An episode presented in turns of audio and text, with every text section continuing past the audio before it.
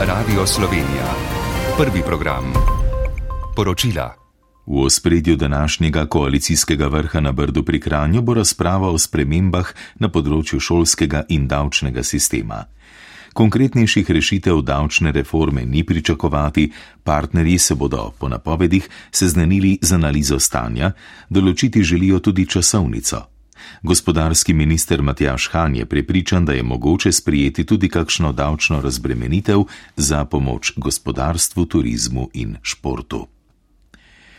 Finančni ministri držav evrskega območja so na zasedanju v Bruslju podprli smernice, ki jih je predlagala Evropska komisija. Predvidevajo postopno zaostritev javnofinančnih pravil, razrahljani za odpravljanje gospodarskih posledic pandemije in energetske krize po ruski invaziji na Ukrajino. O tem bodo danes govorili tudi finančni ministri celotne unije. Rusija je privolila zgolj na 60-dnevno podaljšanje sporazuma o izvozu žita prek Črnega morja. Veljavnost dogovora, ki sta ga Moskva in Kijev sklenila ob posredovanju Ankare in Združenih narodov, bi se sicer iztekla v soboto. Iz Kremlja so sporočili, da je usoda sporazuma odvisna od umika zahodnih sankcij na izvoz ruskega žita. Pogonski gorivi zunaj avtocest, katerih ceno določa država, sta se o polnoči podražili za cent in pol.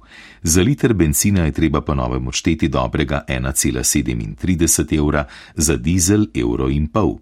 Podražilo se je tudi kurilno olje in sicer za 1,9 centa na skoraj 1,1 evra za liter. Smučarska skakavka ima klinec je bila v Lillehammerju tretja in se po tretji tekmi norveške turneje utrdila v vodstvu njenega skupnega seštevka. Zmagala je norvežanka Silje Opset.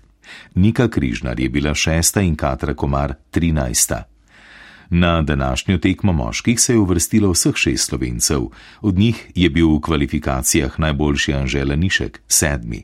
Zmagal je norvežan Halvor Egner Granerud in prevzel vodstvo v seštevku turneje.